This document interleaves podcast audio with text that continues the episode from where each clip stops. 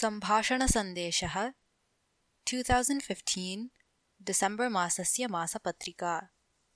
बालमोदिनी नाशस्य कारणं व्याक्षेपः।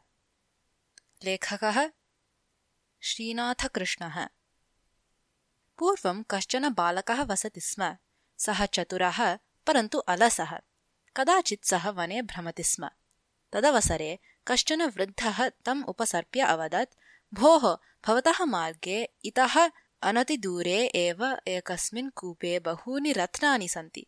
तानि तव उपयोगाय भवेयुः। अतः यदि इच्छा तर्हि तानि स्वीकर्तुम् अर्हति भवान् इति। बालकः तु रत्नानि इच्छति स्म एव। परन्तु कूपसमीपे गमने आलस्यम्।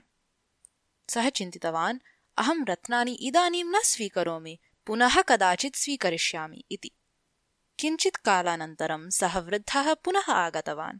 बालकम् आहूय सः अवदत् भोः भवतः मार्गे अन्यः कश्चन कूपः अस्ति। तस्मिन् शास्त्राणि सन्ति तानि स्वीकृतानि चेत् भवतः महत् प्रयोजनं भवेत् इति। बालकः पुनः चिन्तितवान् पूर्वनिर्दिष्टे कूपरत्नानि आसन्। एतस्मिन् कूपे पुस्तकानि सन्ति एतानि भवन्ति भारयुतानि एतानि स्वीकृत्य अहं कथं प्रवासं कुर्याम्? अतः एतानि अग्रे कदाचित् स्वीकरिष्यामि इति। किञ्चित् समयानन्तरं वृद्धः पुनः आगतवान्। सः उक्तवान् पूर्वं यत् कूपद्वयं मया निर्दिष्टं तत्र रत्नानि पुस्तकानि च आसन्। अन्यस्मिन् कूपे जीवनार्थम् अपेक्षितानि औषधानि सन्ति। एतेषाम् उपयोगात् भवान् दीर्घायुः भवितुमर्हति इति। बालकः चिन्तितवान् इदानीम् अहं नितरां श्रान्तः अस्मि। अन्यदा कदाचित् एतानि स्वीकरिष्यामि इति। दिनानि गतानि। अथ कदाचित् बालकेन धनस्य आवश्यकता अनुभूता।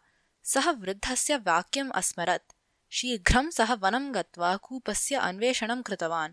परन्तु रत्नयुक्तं कूपं द्रष्टुं सः न शक्तवानेव ततः सः पुस्तकयुक्तं कूपम् अन्वेष्टुं प्रयासम् अकरोत्।